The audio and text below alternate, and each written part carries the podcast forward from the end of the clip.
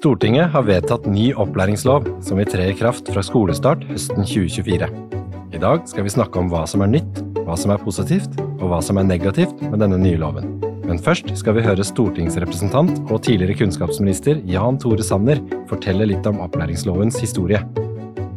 Podkasten er produsert av SpedAmes, Senter for spesialpedagogisk forskning og inkludering, og er finansiert av Forskningsrådet.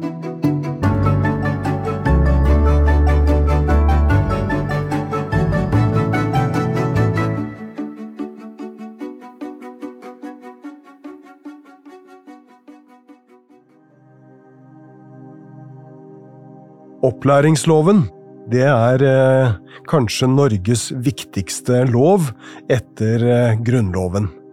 Hva er opplæringsloven? Jo, det er eh, en samlet lov med rettigheter og plikter eh, for eh, elever og for lærere. Og ved siden av eh, læreplanen, som nå er Kunnskapsløftet eller fagfornyelsen, så er opplæringsloven det aller viktigste. Nå har Stortinget ferdigbehandlet uh, ny opplæringslov. Men når fikk vi den første opplæringsloven? Jo, det var uh, for 25 år siden, i 1998. Da fikk vi den første samlede opplæringsloven. Og den uh, bygget dels på lov om grunnskolen, som kom i 1969, og lov om videregående skole, som kom i 1974. Eh, og så skjedde det jo ganske mye på 90-tallet. Vi hadde Reform 94 med rett til videregående opplæring. Vi fikk Reform 97 eh, med seksårig skolestart. Eh, og da var det noen kloke hoder som tenkte at nå er tiden inne til å samle skolens lover i én lov. Og da fikk man en offentlig utredning, NOU, i 1995. Eh, og det var da den offentlige utredningen som dannet grunnlaget for opplæringsloven, den samlede loven som kom i 1998. Så da kunne norsk skole, både lærere, elever, foreldre eh, og også skolemyndighetene forholde seg til én eh, lov med rettigheter og plikter.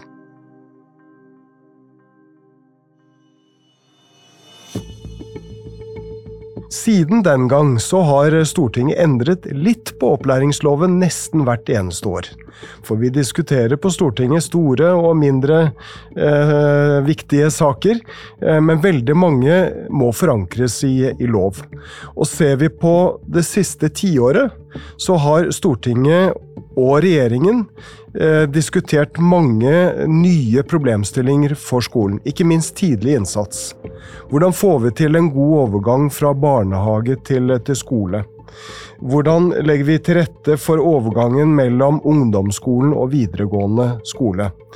Eh, da jeg var kunnskapsminister, så hadde vi en eh, stortingsmelding som het Tidlig innsats, eller vi kalte den egentlig Tett på. Tidlig innsats og inkluderende fellesskap.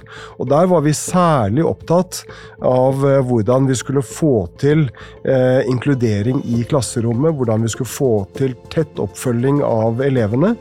Eh, og hvordan vi skulle få også spesialpedagogene fra møterom til klasserom. Eh, så startet vi i regjeringen Solberg også diskusjonen rundt eh, retten til å fullføre videregående skole. For samfunnet vårt stiller økende krav til kompetanse, og da holder det egentlig ikke med en rett til videregående, du må også ha en rett til å fullføre, slik at du har en kompetanse til å kunne få en jobb. Og når Stortinget har behandlet eh, mange store eh, stortingsmeldinger med sentrale problemstillinger for norsk skole, så må det forankres i lov. Og Derfor satte vi ned en uh, ny offentlig utredning i 2015. Og da satt vi førsteemanuensis uh, Jon Christian Nordrum fra Det juridiske fakultet til å lede det arbeidet. Og det geniale ved å velge han, det er at han også er en av Norges beste eksperter på klarspråk. Og det var en klar målsetting for oss, at vi nå skulle fornye opplæringsloven etter 25 år. Eh, se hvordan vi kunne få bedre sammenheng. Og ikke minst gjøre den mer forståelig, og også få fullføringsretten tidlig innsats inn i loven. Og også elevenes medvirkning, som har vært en viktig diskusjonstema i, i veldig mange år. Så var jeg så heldig at jeg fikk motta denne offentlige utredningen i 2019. Det hadde gått eh, fire år. Og da satte regjeringen i gang arbeidet med eh, høringsnotatet til ny opplæringslov. Det ble vi ferdig med i august 2021. Så det gikk på høring rett før eh, regjeringsskiftet, eller rett før valget. Og da hadde regjeringen jobbet med eh, tilpasninger i lovene og lovtekster i et helt år. Så hvis vi da hadde fått en ny regjering, så måtte de ha startet nesten helt på nytt. Eh, men så overtok da Tonje Brenna stafettpinnen og la frem eh, lovforslag for Stortinget rundt påske 2023. Eh, og da rakk jeg opp hånden som medlem av utdanningskomiteen og sa at jeg vil gjerne være saksordfører for denne loven og bringe den helt i, i mål. Eh, og Det betyr at den nye opplæringsloven, som er en fornyelse etter 25 år, den er det fem statsråder som har jobbet med. Det er to regjeringer som har jobbet med den, og vi fikk til brede forlik eh, i Stortinget. Eh, og det er en styrke for norsk skole og de som skal forholde seg til den nye loven. Lærere, elever, foreldre, universiteter, de som utdanner eh, lærere, og ikke minst eh, skoleeierne, kommuner og, og, fylker. Så de fikk en liten gave fra oss på Stortinget. En eh, lov som er fornyet, som er forbedret, og som er bredt forankret.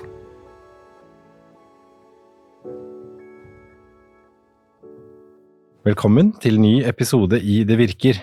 Mitt navn er Fredrik Solli Vandem, og jeg jobber som kommunikasjonsrådgiver i Spedames her på Universitetet i Oslo. I dag er det den nye opplæringsloven det skal handle om, og i studio har jeg besøk av Tor Omar Nyquist, advokat i advokatfirmaet Lippestad. Han jobber med mennesker med nedsatt funksjonsevne sine rettigheter, og da særlig innenfor kommunal helse- og omsorgstjenester, skole og arbeid. Velkommen. Tusen takk, veldig hyggelig å være her. Og så har vi med oss Camilla Herlofsen, førsteamanuensis i spesialpedagogikk ved Universitetet i Agder, og du leder også en av forskningsprosjektene i Spedheims. Velkommen til deg. Tusen takk. Opplæringsloven den dekker alle rettigheter og plikter som er forbundet med opplæring og skolegang i Norge. Men dette er jo en podkast om spesialpedagogikk, så hvilke områder i loven dreier seg om spesialundervisning og ekstra støtte? Hvis vi ser på opplæringsloven fra 1998, altså den som fortsatt er eh, gjeldende, så er det kapittel fem i den loven som hovedsakelig tar for seg altså retten til spesialundervisning og, og PPT-tjenesten sin rolle og, og, skolens og kommunens ansvar knyttet til det. Og det er jo da særlig paragraf 5-1 som fastslår når man har rett til å få Eh, spesialundervisning, da, som er begrepet man bruker i den, i den, gamle loven, eh, når man ikke har et tilfredsstillende utbytte av den ordinære opplæringen, og, og man trenger da en spesialundervisning for å få et likeverdig opplæringstilbud som andre elever ved, ved skolen. Vi har jo også forpliktelsen skolen har til å gi ordinær tilpassa opplæring til alle barn og unge i skolen, eh, og det er jo i kapittel én. Eh, og eh, viktig er også den med tidlig innsats, at man ved bekymring setter inn tiltak etter f.eks. 1.4 som omhandler intensiv opplæring. Så det er jo også noe som skolen er forplikta til å gjøre, og det er også grunnlovsfesta, så det er jo en ganske sterk plikt der. Men så er det jo viktig at vi også har bestemmelsene i paragraf 5-1 som sier noe om at når elever ikke får tilfredsstillende utbytte av det ordinære opplæringstilbud, så skal de også ha rett til spesialundervisning. Men eh, hvem er det som håndhever denne loven? Eh, altså, eh, Opplæringsloven gjelder jo for så vidt både grunnskole og videregående opplæring, så, så, man skiller jo litt der i forhold til hvem som har ansvar. Altså Grunnskole, første til tiende trinn, er det kommunen som har ansvar for. Eh, når det gjelder den videregående opplæringen, så, så er det fylkeskommunen som har ansvaret for, for den. Så det er jo de som er, kall det både pliktsubjektene, altså de som har plikt til å, å gi opplæringen innenfor de rammene som, som opplæringsloven gir. Eh, og så har man også eh, Statsforvalteren, som er det vi kaller et tilsynsorgan, eh, som både er klage, altså dit man klager når man sender en klage på, på manglende spesialundervisning, eller hvis man ikke har et fullt forsvarlig og trygt og godt skolemiljø, så er det også statsforvalter man, man, klager til. Så man kan jo si at statsforvalteren har en sånn overordnet både tilsynsmyndighet og, og klagemyndighet. Men, men, kommunen som er den ansvarlige, eller fylkeskommunen. Men hvis en skole f.eks. ikke gjør sånn de skal, og da bryter denne loven, hva skjer da? Det kommer jo litt an på hvilke eh, bestemmelser man, man snakker om, eh, men hvis man f.eks. Eh, tar retten til spesialundervisning, da, eller retten til trygt og godt skolemiljø, som er rettigheter man som elev har, så vil jo da brudd på bestemmelsene medføre et brudd på, på rettighetene til, til enkeltpersoner. Og da har man visse muligheter. sånn Det vanlige løpet er at man, som jeg har sagt, klager i første omgang til skolen eh, selv, eller til kommunen selv, som da får anledning til å rette opp i forholdet, eller til å gi et vedtak som, som er i tråd med, med loven. Eh, og dersom kommunen eller skolen ikke velger å omgjøre sitt eget vedtak til gunst for den som klager inn, så, så går klagen videre til statsforvalteren, som er eh, som sagt klageorganet, og som vurderer da om kommunen og skolen følger sine forpliktelser, og om rettighetene til den enkelte blir, blir fulgt. Hvis man ikke får medhold hos statsforvalter, da?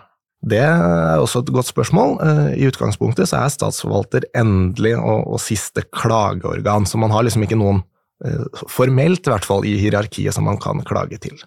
Eh, men man kan klage statsforvalterens vedtak inn til Sivilombudet. Sivilombudet er hva skal man si, vakthunden til forvaltningen og det offentlige i, i Norge, og skal Eh, sikre at de følger sine eh, rettigheter og plikter. Eh, når det gjelder skolesaker, og for så vidt også andre kommunale saker, så er Sivilombudet ofte tilbakeholden med å overprøve mer faglige vurderinger, altså om det er PP-tjenesten og skolen sine pedagogisk-faglige vurderinger, eller om det er andre mer sånn helsefaglige vurderinger i andre saker, så er de ofte litt tilbakeholdne med å overprøve det. Men dersom det gjelder saksbehandlingstid, altså saksbehandlingsfeil som manglende utredning, manglende begrunnelse eller manglende vurderinger, eh, eller hvis de tar altså dette er rent sånne juridiske feil, altså feil i lovanvendelsen eller sånn, så er Sivilombudet veldig flinke til å gå inn og overprøve eh, og se på om, om rettighetene og pliktene er, er fulgt. Eh, og selv om ikke det er juridisk sett bindende for forvaltningen, så, så, ser vi jo at forvaltningen da i, i all, all hovedsak da følger Eh, den uttalelsen som Sivilombudet kommer til. Eh, man har selvfølgelig også mulighet til å eh, kalle det slå seg til ro med statsforvalterens vedtak. Da er det prøvd både hos kommunen selv en gang og hos statsforvalteren en gang. Og man kan ta med seg det tilbake til skolehverdagen og eventuelt heller se hvordan man kan dokumentere, eller f.eks. i IOP-en eller i halvtårsrapporten eller årsrapportene som skolene lager, evaluere og se hvorfor ting ikke fungerer, da, og ta med seg det videre inn i nytt skoleår og eventuelt nye, nye vedtak. Så har man også mulighet til å bringe disse typer saker inn for domstolen, altså når det gjelder eh, den enkeltes rettigheter, eh, som, som, vi har snakket om nå. Eh, så er det også noe man kan bringe inn for domstolen og få en domstolsprøving av. Men det er det veldig lite av, og det er jo fordi domstolsprosess ofte er knytta til stor økonomisk eh, risiko. Eh, det, det koster penger å, å, ta en sak inn for, eh, for retten. Og også at domstolen, i, i samme måte som Kall det Sivilombudet, er litt tilbakeholden med å overprøve forvaltningens faglige vurderinger. De ser også mer på disse mer formalistiske tingene som saksbehandlingsfeil og, og rene lovanvendelsesfeil. Da. Men man har absolutt mulighet til å få prøvd saker også, også i domstolen. Har dere i Lippestad erfaring med at det, sånne saker havner i retten? Nei, i utgangspunktet så har vi ikke det. Uh, I hvert fall ikke uh, i et her og nå-perspektiv. Uh, og det er knytta til den store økonomiske risikoen det er å ta disse sakene inn for domstolene. Det som er vanligere, og som man nok ser oftere, er at man går til erstatning erstatningssøksmål senere. Altså etter man er øh, Ja, hvis man ikke har fått fullført en opplæring, og det gjør at man ikke kommer i jobb. Øh, mange altså i mobbesaker og sånn kan man ofte ha blitt påført psykiske, også for så vidt fysiske, øh, plager som medfører at man har en varig medisinsk invaliditet, som man, som man kaller det. Og da er det vanligere at man for så vidt går til erstatningssøksmål mot kommunen, og da vil man jo vurdere om kommunen har oppfylt sine plikter, om, om man har fått sine rettigheter. Da. Om det er retten til spesialundervisning, eh, om kommunen har tilpassa opplæringen godt, godt nok, og eventuelt også om man ikke har hatt et trygt og godt skolemiljø, og skolen eller kommunen ikke har gjort det man kan forvente da, ut, ut fra de, de forholdene som var. Men hva slags straff kan en skole eller skoleeier få hvis man blir dømt i en sånn sak, da? Eh, så De sakene jeg nevnte nå, eh, er jo mer altså, privatrettslige erstatningssøksmål, hvor man mener at man har hatt et økonomisk tap, enten i tapt fremtidig altså erverv, altså at man mistet en arbeidsevne, eller man har hatt forhøya utgifter fordi man har hatt ekstra behandling eller, eller, andre ting. Eh, så det kan jo medføre et økonomisk ansvar. Eh, og det kan det jo for så vidt også, hvis man tenker på mer sånn dagsperspektiv, at hvis man ikke får de rettighetene man har etter et vedtak, f.eks., så kan kommunen også ilegges eh, tvangsmulkt, altså dagbøter for hver dag man ikke eh, oppfyller disse, disse rettighetene. Men, men, men, som sagt, det ser vi jo ganske sjelden at blir eh, i praksis. Og så, så kan jo statsforvalteren som tilsynsorgan også iverksette altså administrative sanksjoner mot kommunen. Da, altså dette med både tvangsmulkt, eventuelt pålegg om, om, retting eller pålegg om eh, endring i systemer, eller disse tingene. Som vi har nevnt, så trer jo den nye opplæringsloven i kraft fra høsten 2024. Hvorfor trengte vi egentlig en ny versjon av denne loven, Camilla? Ja, vi trengte en ny opplæringslov mye fordi den er 25 år gammel, og det har vært veldig mange endringer i løpet av disse årene. og det bærer en også litt preg av at det kanskje ikke er så intuitiv eh, inndeling av kapitler. Eh, samtidig som samfunnet endrer seg, og at vi skal eh, tilpasse loven til både den nåtidens samfunn, men også fremtidens samfunn. Så derfor trengte vi jo en justering av opplæringsloven. Og det er jo en av de aller viktigste lovene vi har. Eh, den regulerer jo eh, skolehverdagen til over 800 000 elever og 95 000 lærere som sin arbeidshverdag. Så det er jo klart det er en kjempeviktig lov som må være oppdatert. Det er jo nettopp derfor også det er viktig eh, med en ny lov, for å få strukturert eh, lovens bestemmelser. For, for som du sier, så har det jo blitt veldig mye endringer, ting har blitt lagt til og, og fjerna. Det hørte vi også Jan Tore Sanner si, at de har jo stort sett endra loven nesten hvert år de siste 25 årene, så, så den blir litt uh, vanskelig å finne fram i. Så, så, vi ser nå at loven har fått en litt ny struktur og, og oppbygning. Uh, og det er jo nå kapittel 11 da, som på en måte samler uh, litt disse viktige momentene som vi var innom i starten, både med dette med tilpassa opplæring, med intensiv intensiv opplæring fra første til fjerde trinn, og også da eh, samla eh, også der da retten til spesialundervisning, da, som det het eh, før, nå har blitt en, en mer tredelt uh, rettighet, hvor man både ser på uh, retten til tilrettelagt opplæring, som er det nye begrepet man bruker. Uh, man ser også på fysisk tilrettelegging og hjelpemidler, tilpasning av mer fysisk karakter, og også på retten til assistanse. Disse har jo alle vært mer sånn samla og ligget under eh, retten til spesialundervisning i gammel lov, men nå har de blitt adskilt og, og, og tydeliggjort, da, tenker jeg. Eh, og man har også i loven fått et nytt kapittel ti, hvor vi har fått inn altså retten til medbestemmelse, og at elevens beste skal være et grunnleggende hensyn i alle handlinger, ikke bare i vedtak, men alt man foretar seg på, på skolen.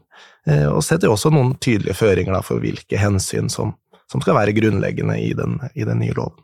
Når vi snakker om disse begrepene i nåværende lov, så har vi rett til spesialundervisning.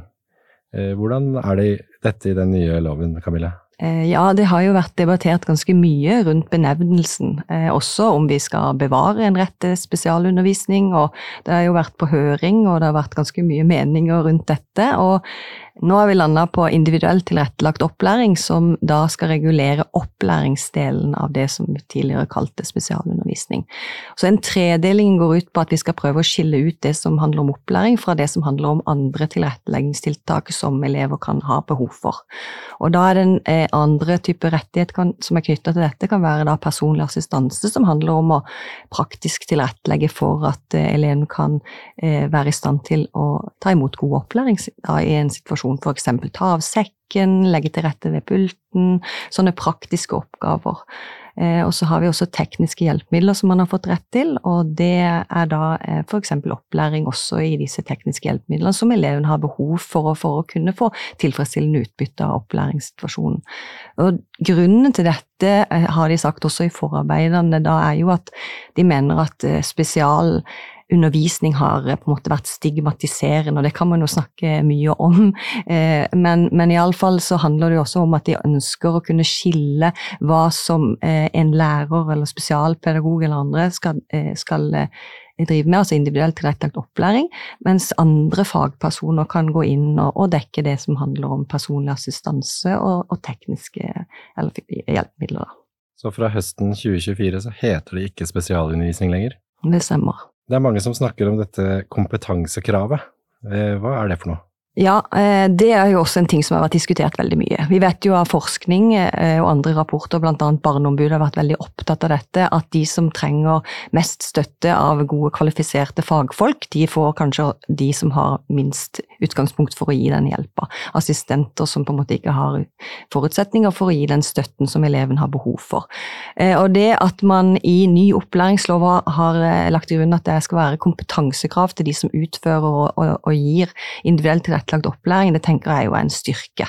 Eh, og det blir nå sånn at de kompetansekravene som, som ble stilt, det er at eh, de som skal gi denne opplæringa, de må eh, oppfylle kompetansekravene for å bli ansatt eller tilsatt i lærerstilling. Eh, og eh, i tillegg så må de også eh, oppfylle de kompetansekravene i de fagene som de skal undervise i. Og det betyr jo da i praksis at det er læreren som skal gi individuelt tilrettelagt opplæring. Men i denne bestemmelsen som, så går det også frem at det er et unntak. altså Blant annet kan det være unntak fra dette kravet om at du skal ha Eh, at du skal ha kompetanse i de enkelte fagene, men at du kan være lærer, men ikke f.eks. ha kompetanse i matematikk på det nivået som kreves. Eh, eh, man likevel gir individuelt tilrettelagt opplæring, men da skal det være det beste for den eleven, da, så det er særlige grunner til det, da. Og videre så vil det være mulig for andre yrkesgrupper, som f.eks. logopeder, audiopedagog, eh, vil jo si at også spesialpedagog burde vært nevnt i forarbeidene, men det betyr ikke at ikke de er en del av den gruppa, men det står som eksempler andre yrkesgrupper.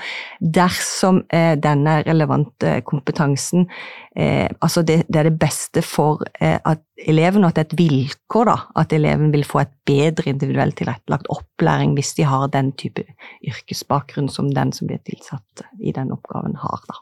Det betyr det at en med en master i spesialpedagogikk kan gi denne opplæringen uten å være lærer?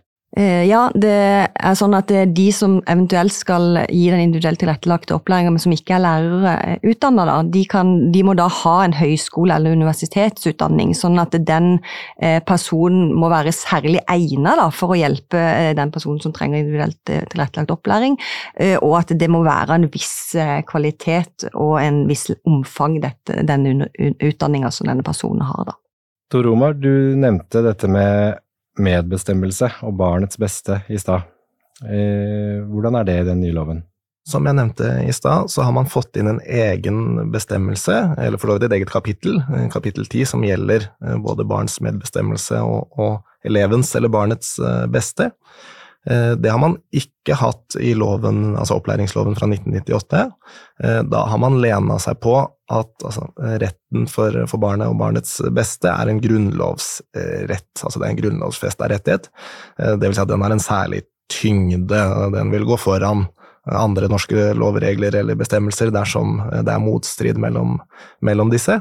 Eh, og det stammer også fra FNs barnekonvensjon, hvor også barnets beste er en særlig særlig rettighet. Ehm, så fra at det er nevnt sånn eh, enkeltvise steder i den gamle opplæringsloven, eh, så har man nå fått inn en egen bestemmelse som gjelder barnets eh, eller elevens beste, som skal tydeliggjøre at dette er et helt grunnleggende hensyn, ikke bare i vedtak, men i alle handlinger, organisering, praktisering, tilpasninger som, skolen eller kommunen gjør.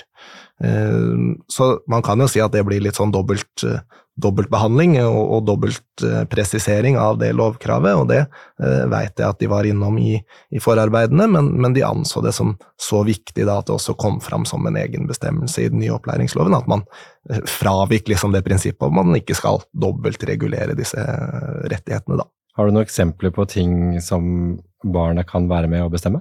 Ja, altså eh, både medbestemmelse Altså medbestemmelse er jo én ting. Da er det jo sånn at barnet etter Eh, på en måte alder, utvikling, eh, modenhet skal ha mer og, og mer å si. Eh, men det betyr ikke at man alltid skal legge altså det barnet eller eleven sier til, til, grunn. Det er et hensyn som skal ha særlig tung vekt, men det kan jo være andre faglige vurderinger som, som læreren gjør, eller voksne gjør, som, som, kanskje ikke barnet ser, eller eleven ser i den enkelte, enkelte setting. Så, så, det er ikke sånn at det alltid betyr at det er det eleven sier som, som blir det man legger til grunn. Det, det, er et hensyn som spiller inn da sammen med de andre faglige eh, vurderingene. Tidlig innsats det er jo et uttrykk man hører mye i spesialpedagogikk. Sier den nye loven noe om dette? Ja, nå er det jo sånn som Tor Oma sa, at nå er jo disse bestemmelsene knytta til tilpassa opplæring også blitt knytta til samme kapittel som det som tidligere var spesialundervisning. Så nå i kapittel 11 så fremgår alle disse bestemmelsene. Og da er det jo eh, spesielt dette med tilpassa opplæring som det er blitt videreført som begrep. Det var også en oppe til diskusjon om det skulle hete noe annet, men nå er det fremdeles tilpassa opplæring som er gjeldende. Eh, og da er det sånn at tilpassa opplæring det gjelder jo for alle elever, og det må skolen legge til rette for at alle får et tilfredsstillende utbytte. Og eh, nå har vi også fått en litt sånn tydeliggjøring, det er en videreføring, men en tydeliggjøring at vi har en følge med-plikt. Og det er eh, veldig sentralt at alle lærere og de ansatte på skolen vet hva tilfredsstillende utbytte innebærer, og hvordan de skal vurdere om en elev har eller kan få tilfredsstillende utbytte. For det betyr at når de gjør underveisvurderinger bekymringer, så, så må de hele tida legge til grunn at ok, er det, her, er det noen bekymringer? Og da er jo også videreført dette med intensiv opplæring. De fulgte ikke opp det som opplæringslovutvalget sa at de ville ha det på alle trinn, men de har fortsatt eh, det på første til fjerde eh, trinn i lesing, skriving og regning. Eh, og jeg tenker at det er viktig, et viktig tiltak for å kunne gi tidlig innsats, er jo at man setter inn Eh, raskt når man er, når man er bekymra, men også det at man er god til å tilrettelegge tidlig. Så det betyr eh, begge deler. Denne intensive opplæringen du nevner nå, er det noe som på en måte er mellom ordinær undervisning og det vi kaller nå spesialundervisning? Ja, det er en mulighet til, for læreren å bruke sitt faglige skjønn, sånn at man på en måte kan sette inn litt intensiv, kortvarige tiltak for å ivareta elever som på en måte ikke eh, har den progresjonen som man forventer. Eh, sånn at dette er snakk om eh, lesekurs, andre ting som på en måte kan gi eleven muligheter til å, å, å få en god utvikling, og der man også kan eh, vurdere, da selvfølgelig skal dette gjøres under eh, at man på en måte vurderer om det er behov for mer hjelp, så må man jo henvise til PP-tjenesten, men mye kan gjøres i den fasen ved å være litt tett på. Men det kan også skje som enetiltak for elever, dersom det er det beste for eleven. Jeg får lyst til å snakke litt mer om systematikken i den nye loven, og hvordan dette er, er lagt opp. For nå, som du sier, så er jo alt samla inn i ett, eh, ett kapittel. Eh, og det er jo sånn da at eh, kapittel 11, og da paragraf 11-1, sier at kommunen og fylkeskommunen har en plikt til å, å tilrettelegge og se at alle får utnytta sine evner, og at man har et tilfredsstillende utbytte av opplæringen på, på den skolen. Og det er jo da en plikt som kommunen har, men det er ikke en individuell rett rettighet eh, man har, så man kan ikke si at man har rett på tilpassa opplæring, men kommunen har en plikt til å, å, sørge for at det er sånn, et litt sånn lovteknisk eh, komplisert eh, skille som man også ser i andre helse- og omsorgstjenesteloven f.eks., og, og andre kommunale lover.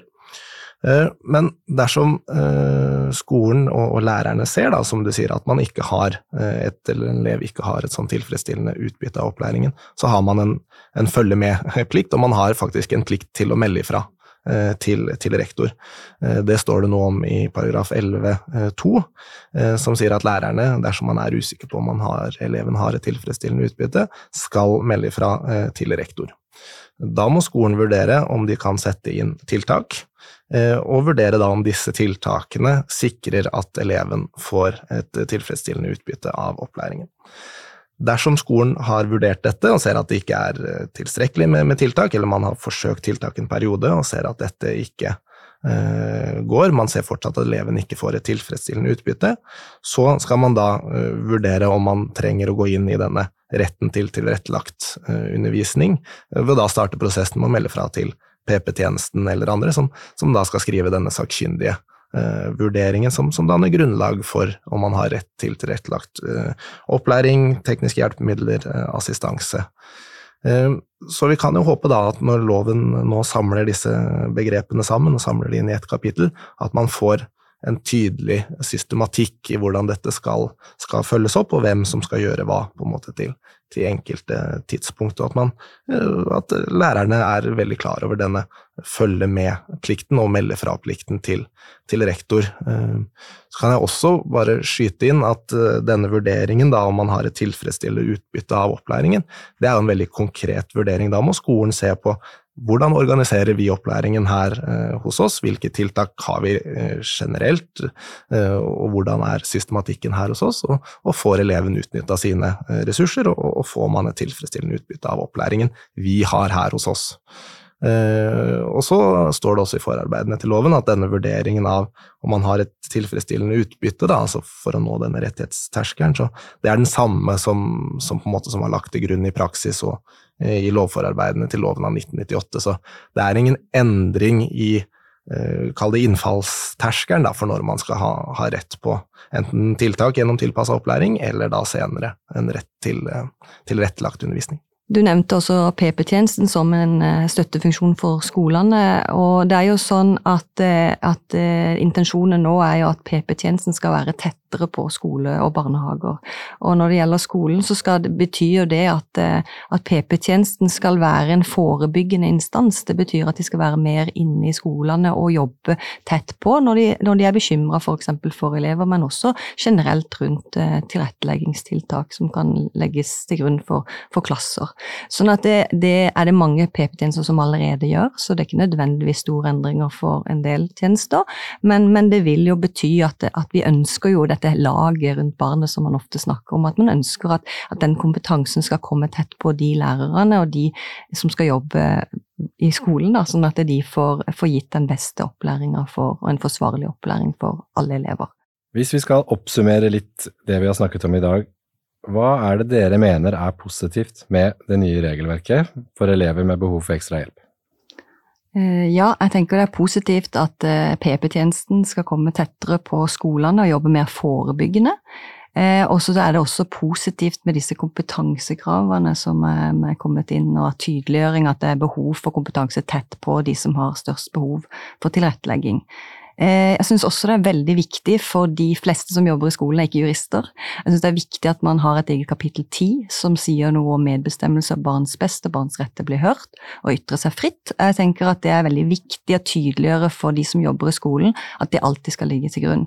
At barnets eh, stemme, altså barnets egen mening, tydeligere kommer frem i alle deler av prosessen, og at de blir en viktig samarbeidspartner. Det er de ikke i like stor grad som de skulle vært nå. og Der har vi en vei å gå. Eh, jeg tenker at Det handler om barn. Vi jobber for barn i skolen, og barn og unge kan ikke i like stor grad hevde sin rett som voksne. Og Vi har et pliktaspekt i skolen, sånn at når eh, spesielt sårbare barn og unge som trenger tilrettelegging, de er prisgitt at de voksne kjenner rettighetene, informerer de om rettighetene, og at de blir invitert inn til å si sin mening om hvordan de opplæringa oppleves for de. Det gjelder jo nettopp de. Så det at vi hjelper også de i skolen gjennom god utdanning til å gjøre, ruste de til å forstå regelverket, men også forstå hvordan man skal eh, involvere barn for å på en måte legge inn et innhold i hva betyr barnets beste? Hva betyr det å høre? Det betyr at ikke man bare gjør det én gang og så sjekker man det av. Det skal i hvert fall være en reell medvirkning. Så jeg tenker det er en veldig positivt signal at vi ønsker noe. Men det negative mener jeg at det ikke nødvendigvis følger med ressurser til disse endringene. Og Det ser vi også i vurderinger fra departementet. og Det er ikke sikkert at det er en reell eh, sammenligning der. For vi vet jo at kompetanse koster. Eh, det er, det er dyrt å sette inn eh, personell som har kompetanse, og man må tenke hvordan skal man få til dette på en god måte. Altså Man må putte innhold inn i de fine begrepene. Tidlig innsats, tilpasset opplæring, tilrettelagt opplæring. Det krever eh, god kompetanse, go både i forhold til det juridiske aspektet, men også det faglige aspektet. Så jeg savner litt på det med å sikre rettighetene, og jeg tenker også det er litt lite vilje da, til å sikre disse rettighetene, hvis man ser det sånn som du nevnte i stad, Tor Omar, med dette med klagerettigheten. Så eh, det kan jo bidra til en liten sånn forgyllingseffekt, at, det, at det kanskje det ser bra ut på papiret. Og som ofte blir sagt, det å ha rett betyr ikke at man får, at man får rett. Så det, jeg tenker det er noen, en liten vei å gå, men vi er på, hvert fall på vei til å anerkjenne at dette er et, et viktig område som, der barna er hovedpersonen, og der vi må på en måte sikre at de personene rundt er de riktige personene til å gi dem et tilfredsstillende utbytte og en god, godt skolemiljø, så de trives og kan lære. Fordi de kan ikke velge sin på en måte såkalte arbeidsplass. Veldig mange gode poeng du tar opp, eh, Camilla. Jeg er helt, eh, helt enig. Eh, jeg håper jo også at loven fører med seg noe positivt i forhold til den struktureringa som man nå gjør i kapittel 11. At det blir lettere å forstå sammenhengen mellom disse ulike begrepene, og at det blir en tydeligere rekkefølge på, på hvordan man skal gjøre ting. Når er det tilpassa opplæring, når må man melde fra videre til rektor, når melder man fra til PPT? Eh, og også at eh, nå denne retten til spesialundervisningen blir delt opp, og at man får tydeliggjort både en rett til personlig assistanse, altså at man får den eh, tilretteleggingen og assistansen man trenger av praktisk bistand for å kunne være på skolen og delta, at man får eventuelle fysiske tilrettelegginger og tekniske hjelpemidler, sånn at man får gjennomført denne, denne tilrettelagte undervisningen, og at også retten til individuelt tilrettelagt opplæring nå blir tydeliggjort. Eh, og at det også står at PPT må gjøre helhetlige vurderinger av disse tre. At man må se på det helhetlige tilretteleggingsbehovet, og at man skiller ut liksom hva som er hva på en tydelig og, og god måte.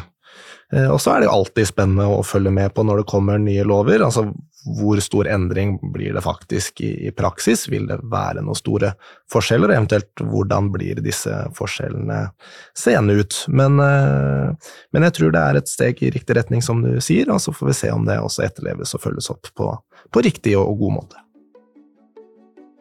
Tusen takk, begge to.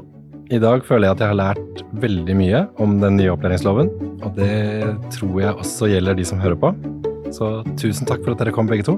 Tusen takk, det var veldig fint å være her. Tusen takk, veldig spennende tema. Denne podkasten er produsert av SpedAmes, Senter for spesialpedagogisk forskning og inkludering. SpedAmes er finansiert av Forskningsrådet og er et samarbeid mellom Universitetet i Agder, Universitetet i Stavanger, Nord universitet, Universitetet i Bergen og Universitetet i Oslo. Takk for at du hørte på.